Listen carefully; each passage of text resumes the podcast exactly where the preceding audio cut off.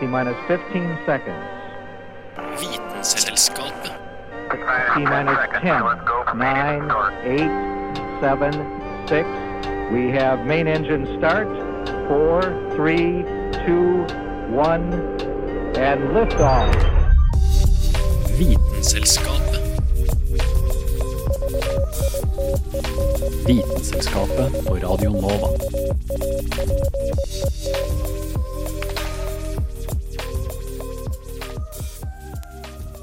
Hei, og hjertelig velkommen til denne utgaven av Vitenselskapet på Radio Nova, som vi har valgt å kalle Markens grøde. Og man skulle kanskje tro det hadde sammenheng med at jeg fikk en sånn skikkelig Hamsun-oppvåkning i sommer og forelsket meg litt i boken Pan, som er fryktelig fin. Der begynner det med en gryende forelskelse på våren, og så bare tar det av på sommeren. Sånn en skikkelig passion-opplegg, altså.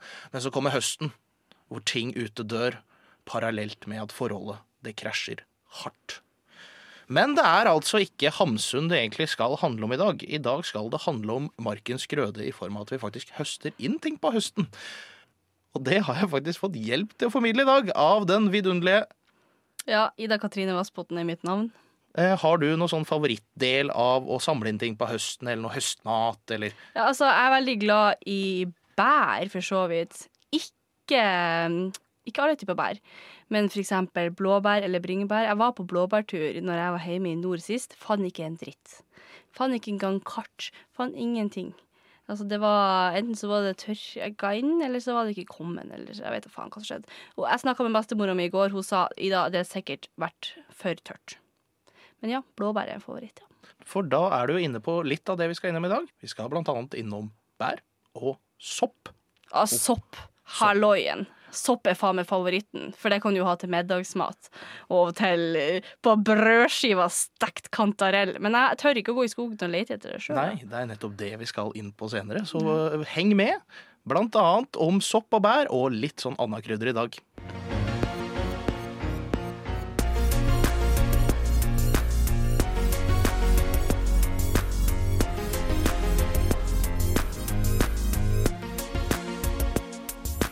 Vitenselskapet på Radio Nova. For som vi vet, høsten er tiden for å drukne i pledd og varme drikker innendørs, men det er også den beste årstiden for å sanke inn alt det fine skogen har å by på. Her på huset, som du allerede har nevnt, Ida, så er vi kanskje spesielt opptatt av mangfoldet med sopp. Vi har mye god sopp i Norge. Ja, det får blodet vårt til å bruse, Ja. altså. Jeg lurer veldig på liksom hvilken type sopper er det som er kanskje livsfarlig og, den typen der. Det er veldig skummelt. Du kan faktisk dø.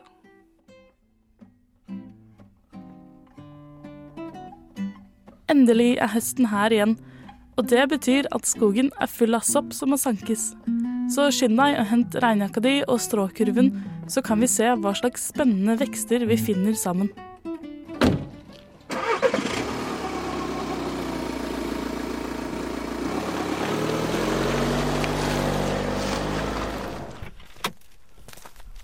Ja, her er vi da. Og da er det bare å begynne den lange vandringen inn i Nei, hva er det vi har her? En grønn og litt flat sopp? Den tror jeg vi hopper over. Det kan nemlig være en grønn fluesopp. En av de mest dødelige soppene i verden. Som alene står for 50% av alle sopprelaterte dødsfall. Det som gjør denne soppen så innmari giftig, er giftstoffer som kalles amatoksiner. Disse hindrer cellene i å lese av DNA-molekylet. Det betyr at cellen ikke lenger kan produsere proteiner og nødvendige stoffer for å opprettholde livsfunksjonen. Giften er så sterk at cellen dør i løpet av kort tid. Hvit fluesopp kan se ut som en vanlig sjampinjong, men har de samme giftstoffene og gir de samme symptomene som den grønne fluesoppen.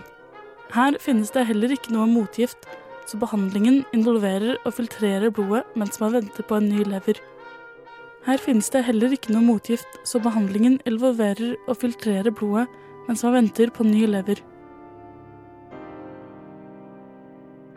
En annen sopp du bør holde deg unna, er slørsoppene.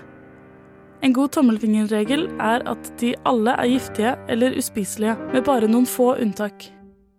Det finnes mange forskjellige arter av denne soppen i Norge. Flere enn noen annen sopptyper, til og med. Spiss giftslørsopp finnes overalt i Norge og karakteriseres ved at den er rødbrun med gulaktige slørbelter, og hatten er mer eller mindre tilspisset. Den inneholder nyregiften orelanin, som man egentlig ikke vet så mye om. Effektene inntrer fra mellom tre dager til tre uker etter at soppen er spist, og innen den tid er det allerede for sent. Hvis du er heldig, slipper du unna med å gå på sykehuset et par ganger i uken resten av livet. Det skal heller ikke mye til for en bit på en størrelse med en sukkerbit er nok til å dø av. Hvis vi nå går litt lenger inn i skogen, finner vi også sopper vi kan spise. Mest kjent er kanskje kantarellen, som også ofte blir kalt for skogens gull pga. den sterke guloransje farge. Den er traktformet og har tykke ribber som løper nedover stilken. Den kan ligne litt på gul trompetsopp og traktkantarell, som også er spiselige. Kantarellen vokser også ofte i såkalte hekseringer, som altså er en ring, ofte rundt eller nær trær.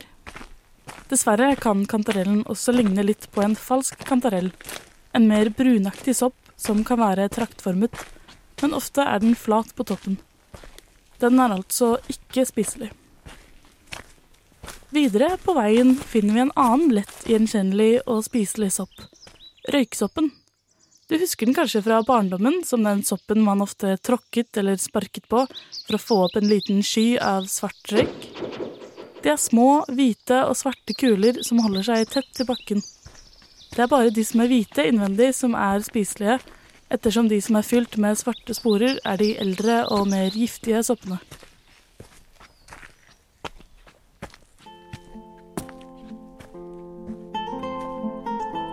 Da er det vel på tide å snu og dra hjem etter enda en vellykket sopptur. Ikke glem å rense og steke soppen godt for sikkerhets skyld. Og hvis du er i tvil om hva du har plukket, er det nok best å ikke spise den. Så altså, hvis du vil være helt trygg, så er det best å dra på en guida sopptur, som du f.eks. kan melde deg på på oosn.no. Men du må være tidlig ute, for det blir fort fullt. Det skal jeg pinadø sjekke ut. Hva du sa det heter? oosn.no. Greit. Denne saken her, den ble høsta inn av Julianne Lifjell.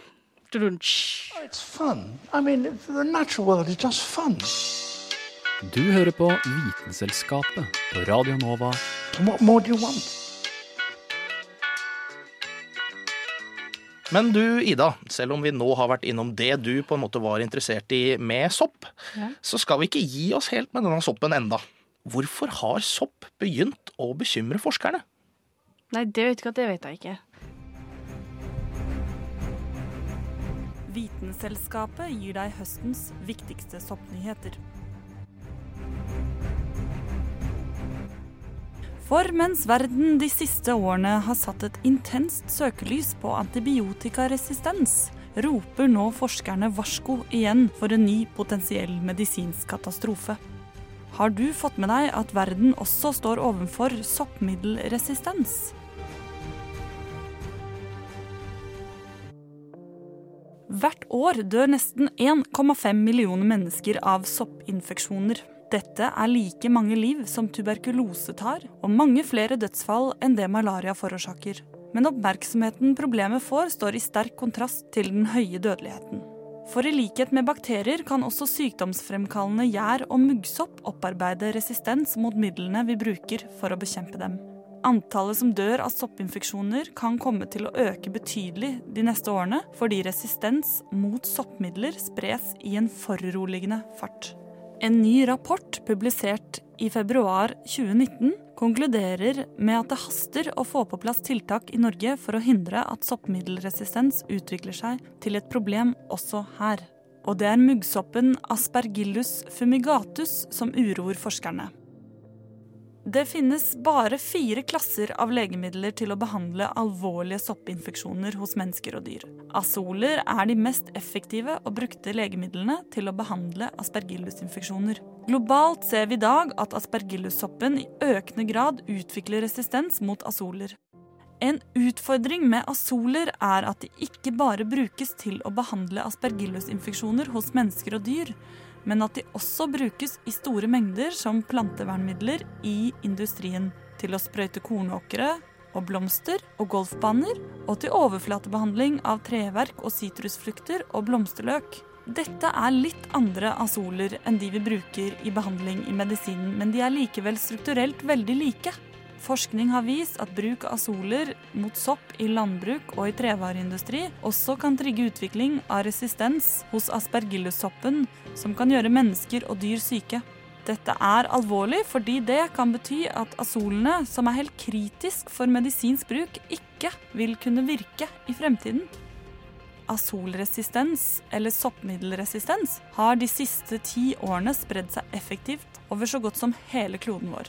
I Nederland er nå nesten 30% av sykdomsfremkallende sopp som er funnet hos pasienter med influensa, resistente mot azoler.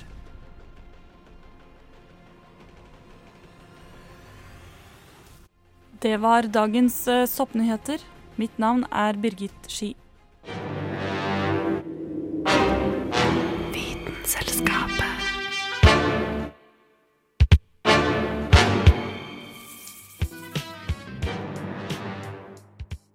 Av jord er du kommet, til jord skal du bli. Av jord skal du atter oppstå.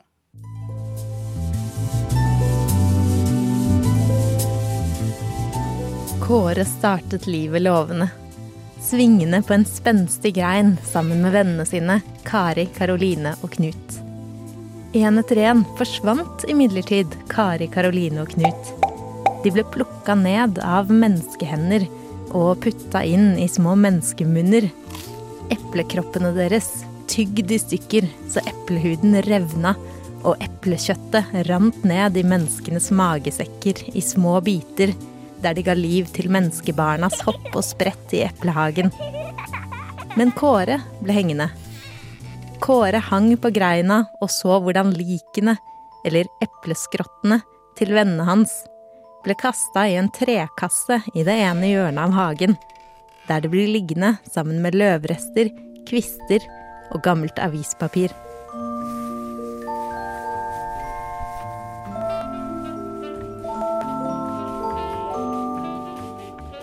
Hva skjer nedi kassa? tenkte Kåre, og fant fram smarttelefonen. Han hadde hørt menneskene i hagen kalle likkisten for kompost. Selv om Kåre var et eple og ikke hadde fingre, klarte han å google det fremmedartede ordet kompost. Kompost er nedbrytingen av organisk avfall til ny jord, leste Kåre. Og om ca. to måneder vil epleskrottene etter Kari, Karoline og Knut være omgjort til jord. Men hvordan vil det skje? Kåre googlet videre. Kompostprosessen starter med at sopp og bakterier kravler seg fram til det organiske avfallet i kompostbingen og skiller ut enzymer som begynner å bryte ned avfallet. Å nei, tenkte Kåre. Jeg håper virkelig at Kari, Karoline og Knut døde da de ble spist, og ikke er bevisste nå. Når epleskrottene deres er brutt ned av enzymene, spiser nemlig soppen og bakteriene opp den nedbrutte massen. Dvs. Si mikroorganismene tar opp i seg nitrogen, fosfor og karbon fra matavfallet. Bakteriene og soppen bruker to tredjedeler av karbonet til forbrenning. Dvs. Si at karbonet omdannes til energi og CO2, som mikroorganismene puster ut til atmosfæren. Og den siste tredjedelen av karbonet den kombineres med nitrogen og brukes som en byggestein i mikroorganismenes egne celler. Dette betyr at en god kompostbinge bør inneholde mye mer karbon enn nitrogen, og oksygen må være til stede, leser Kåre.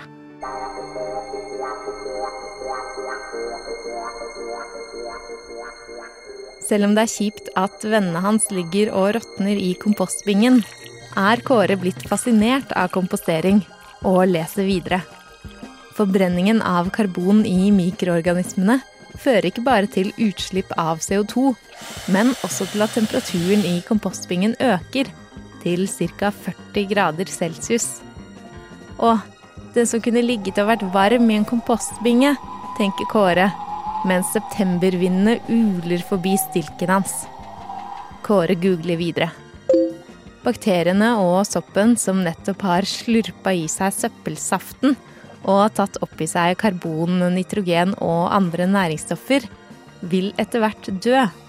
Og nye organismer vil komme og ta opp i seg næringsstoffene. Smådyr, mark og skrukketroll kommer til og bryter opp avfallet enda mer, til sluttresultatet er en svart jord som kalles humus.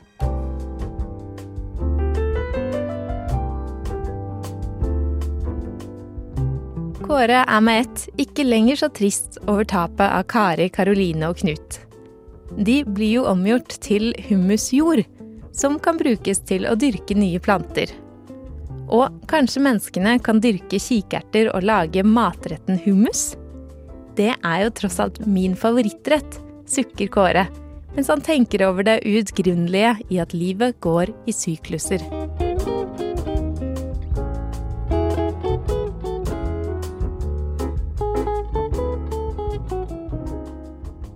Det Kåre var vitne til fra greina si, var en såkalt aerob komposteringsprosess, altså der oksygen er til stede i kompostbingen.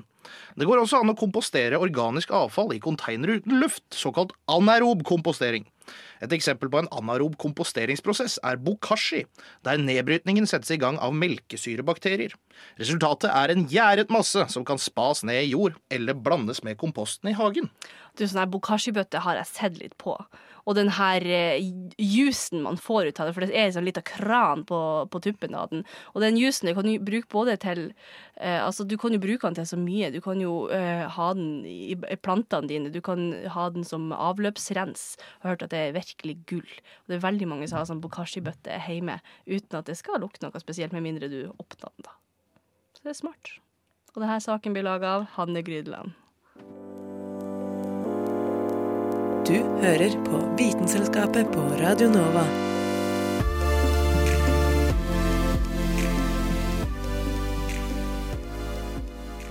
Men da kan jeg spørre deg som sitter der hjemme, og deg også for så vidt, da, Ida. Mm. Her hvor du nå sitter på høsten med litt sånn sommeren over-blues, Ja. så farer det kanskje en tanke gjennom hodet ditt.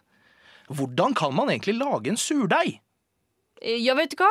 Jeg tenkte på, på bussen på vei hit Så så jeg en person med en kjøkkenmaskin. Så tenkte jeg sånn vet du hva, det, Jeg ser, har sett så sjukt mange som har kjøpt seg kjøkkenmaskin. Så tenkte jeg er høsten egentlig en sånn her eh, bakeårstid? Og vet du hva, det tror jeg. Jeg tror folk vil nå være hjemme. De er veldig homey. De vil bake og de vil ete seg feit til vinteren kommer. Overalt i naturen finner man mange forskjellige typer sopp og bakterier. Og dette har jo vi mennesker selvfølgelig utnyttet til vår fordel for å lage brød og alkohol. For der trenger jo man sopp og bakterier til å produsere ulike stoffer som gjør at vin blir vin og brød blir brød. For soppene og bakteriene sitter ofte på selve råvaren. I vin er det gjærsopp på druens skall som omdanner druesukkeret til alkohol. Og i baking sitter disse livsformene på selve kornet. Allerede veldig tidlig så lærte man at man måtte la en brøddeig hvile og heve. Melet inneholder jo i naturlig tilstand bakterier og gjærsopper som ved sin metabolisme utvikler ulike gasser når man blander det med vann. Når veksten har pågått i en tid, så vil melkesyrebakterier få overtaket, og man får en slags ren kultur av disse og gjærsoppene. Man brukte så litt av denne kulturen til å bake brød, og sparte resten til neste baking. Det er dette som er surdeigsbaking, som man drev med før man klarte å isolere selve gjærsoppen, som man i dag kan kjøpe på butikken. Det var den danske mykologen Emil Christian Hansen som var den første til å isolere celler fra gjærsoppen i 1883. Han jobbet da ved Carlsbergs laboratorium i København, og oppkalte like greit soppen etter sin arbeidsplass, nemlig Saccharomyces carlbergensis.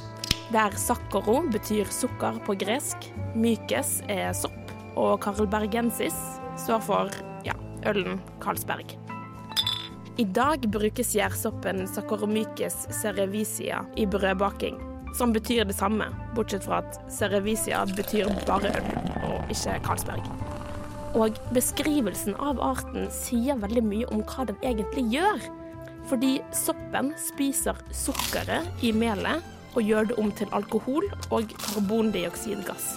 Det er denne gassen som gjør at deigen hever seg. Men selv om man kan kjøpe gjær i butikken i dag, så er det mange som fortsatt baker på gamlematen, altså ved å lage surdeigskultur. Dette er mer krevende enn som så.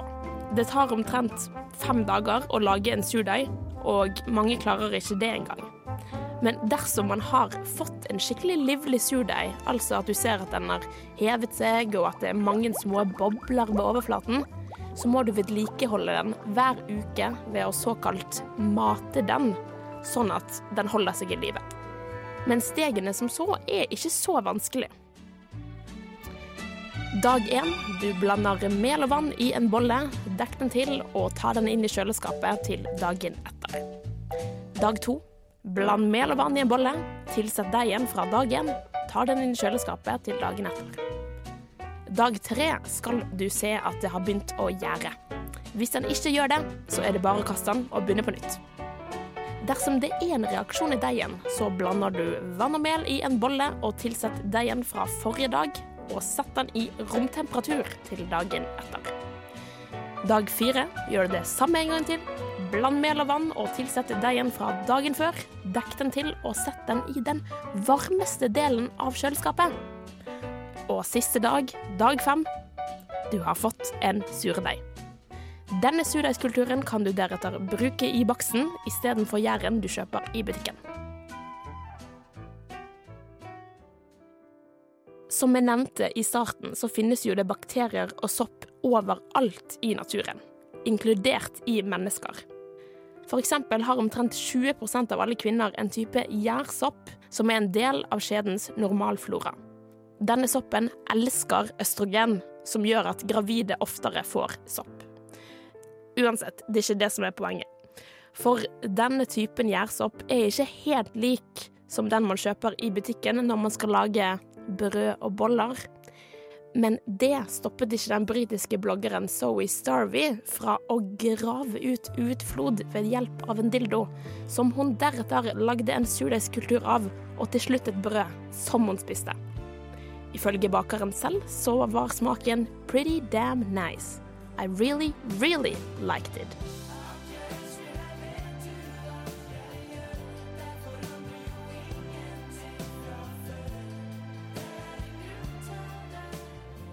Ja ja.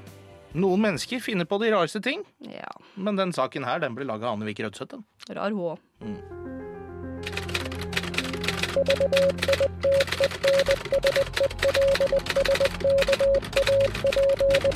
Just want to tell you both good luck. We're all counting on you. И пусть посмеются над своими страстями. Ведь то, что они называют страстью, на самом деле не душевное. Vitenselskapet а лишь трение между душой и внешним миром. knekker vitenskapens koder. Du, Ida.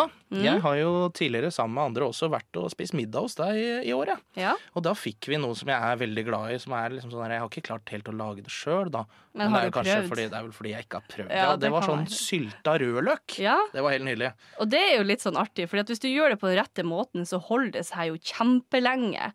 Da handler det om at glasset skal være rent, og hele den kokeprosessen, og hvordan du oppbevarer det, da. Og det er jo veldig mye tid for sylting nå om høsten. Hva vil du ha sylta hvis du skulle ha valgt, bortsett fra rødløk? Tøy. Jeg ville sylta tøy. Å, herregud! Ja, men, eh, nei, men helt alvorlig, jeg er veldig glad i sånn ripssyltetøy og bringebærsyltetøy og sånn, og da passer det jo utmerket at vår gode venn Aurora Thommessen har laget en sak om konservering, og da med spesielt fokus på nettopp bær. Her er det noe å lære. Hei og velkommen til Hvordan lage mat som holder seg deilig og god i lang tid med Aurora Thommessen. Det du skal lære i dag, er å lage den gode, gamle klassikeren syltetøy. Sylting av bær og frukt har vi holdt på med i flere tusen år. Særlig her oppe i nord, i og med at sesongen med frukt og bær ikke er spesielt lang. Når vi nå skal lage jordbærsyltetøy, må vi varmebehandle bærene på over 100 grader i lang nok tid til å ta livet av mest mulig bakterier, muggsopp og gjær. I tillegg skal vi ødelegge enzymene som ellers ville bidratt til nedbrytningen av bærene. Så nå starter vi kokingen. Bærene kokes inn med sukker og pektin, som er et stivelsesstoff, og som jordbær trenger ganske mye av i forhold til f.eks. bringebær, som inneholder mer pektin fra ja, naturens side. Bærene koker og koker, og når vi har kommet opp i 104 grader, reagerer syren inni bærene med pektinet og sukkeret. Slik at syltetøyet blir stivt når vi nå etterpå skal kjøle det ned. Når syltetøyet nå har eh, boblet og kokt en god stund, så er syltetøyet endelig klart til å puttes på glass. Og syltetøyet det skal oppbevares på steriliserte glass for at det skal holde seg lenge, og for å unngå at det blir ødelagt av bakterier. Vi steriliserer glassene ved å vaske dem med såpevann, skylle dem og sette dem på en stekeplate inn i ovnen på 100 grader til de er helt tørre. Det er fint om glassene er varme når vi fyller dem, og etter vi har fylt opp glasset helt fullt, så putter vi på et lokk. Og dette lokket vil gjøre at det oppstår et vakuum inni glasset når temperaturen etter hvert synker. Det uåpnede glasset vil holde seg i skapet i årevis, og det kan helt fint lagres i romtemperatur. Industrielt fremstilt syltetøy vil stort sett også tilsettes en del konserveringsmidler, f.eks. benzosyre, som forekommer naturlig i tyttebær. Konserveringsmidlene bidrar til å bedre holdbarhet både før og etter at glasset åpnes. Men idet du har åpnet syltetøyet, gjelder det nye regler. Det vil ikke lenger holde i årevis, men det kan godt holde seg fint i både uker og måneder. Når syltetøyet er blitt åpnet og det har fått tilgang på luft og massevis av bakterier og muggsopp, hver gang du stikker skjeen i glasset, vil syltetøyet sakte, men sikkert bli utsatt for de flittige mikroorganismenes skadelige aktiviteter. Og først og fremst er det mugg du skal se opp for. Har du kommet mugg på syltetøyet, kan hele glasset være infisert av sporer og mikroorganismer, og du bør kaste det. Men så lenge det lukter normalt og du ikke ser noe mugg, kan du spise det deilige hjemmelagde syltetøyet ditt så lenge du ønsker. En annen av mine konserveringsfavoritter er tørking, særlig nå i soppsesongen. Tørking er en av de eldste kjente konserveringsmetoder, og er fremdeles en viktig måte å stabilisere matvarer på. Når vi tørker sopp, så hindrer vi tilgangen på vann, som er en grunnleggende forutsetning for biologisk aktivitet. Og når man tørker ut vannet fra ja, f.eks. en traktkantarell, hindrer man mikroorganismene i å vokse. Man kan tørke sopp med å legge det i solen eller over en varmeovn, men i denne verden vi lever i i dag, er den mest vanlige måten å bruke en tørkemaskin for å tørke sopp eller frukt. Tørket sopp kan ligge på glass i mange vis av år. Ja, Det blir jo fristende når vi hører sånt i dag, å ta seg en tur ut i skogen, gjør det ikke? Jeg har planlagt en, i hvert fall en blåbærtur ganske lenge nå. Jeg mistenker at kanskje begynner å bli for sein, men jeg tror kanskje til helga det skal jeg ta meg en tur ut og se, så kanskje det blir blåbærsyltetøy til jul. Ja, det høres utmerket ut. Og denne saken her, den ble laget av Aurora Caroline Thommessen. Oslo 2 igjen, Oslo 2. Dette er Vitenselskapet.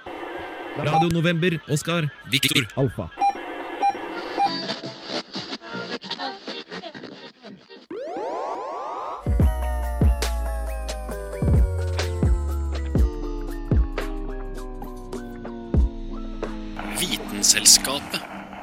Ja, Ida, dette var alt vi hadde for denne gang. Tilbake er vi neste tirsdag, si. Litt Yoda-språk der, altså. Ja. Ikke veldig imponert, ser jeg. Nei. Men sånn på alvor, vi er jo selvfølgelig tilgjengelig på On Demand, som det heter. Ja, der du finner podkast. Ja, Spotify for eksempel, eller Soundcloud, eller Eller pod- podkastappen. Ja, og så har vi også en Facebook-side, hvor du for eksempel, hvis du lurer på noe, kan slenge inn et spørsmål, og så skal vi sjekke det ut for deg. Det anbefaler jeg å gjøre. Har Hvis du- gitt gode resultater tidligere. Ja, hvis du har noe du lurer på, så vi skal dype litt, dyp, dy, dykke litt dypere i, så er det plassen til å spørre oss. Ja, helt herlig, vet du. Neste program, det er et eget rom, og det er verdt å få med seg hva de har kokt opp til deg i dag. Jeg heter Dag Love Magnussen, du heter Ida Katrine Vassbotn. Og vi ønsker deg en fin dag videre. Vi ses neste tirsdag. Ha det bra.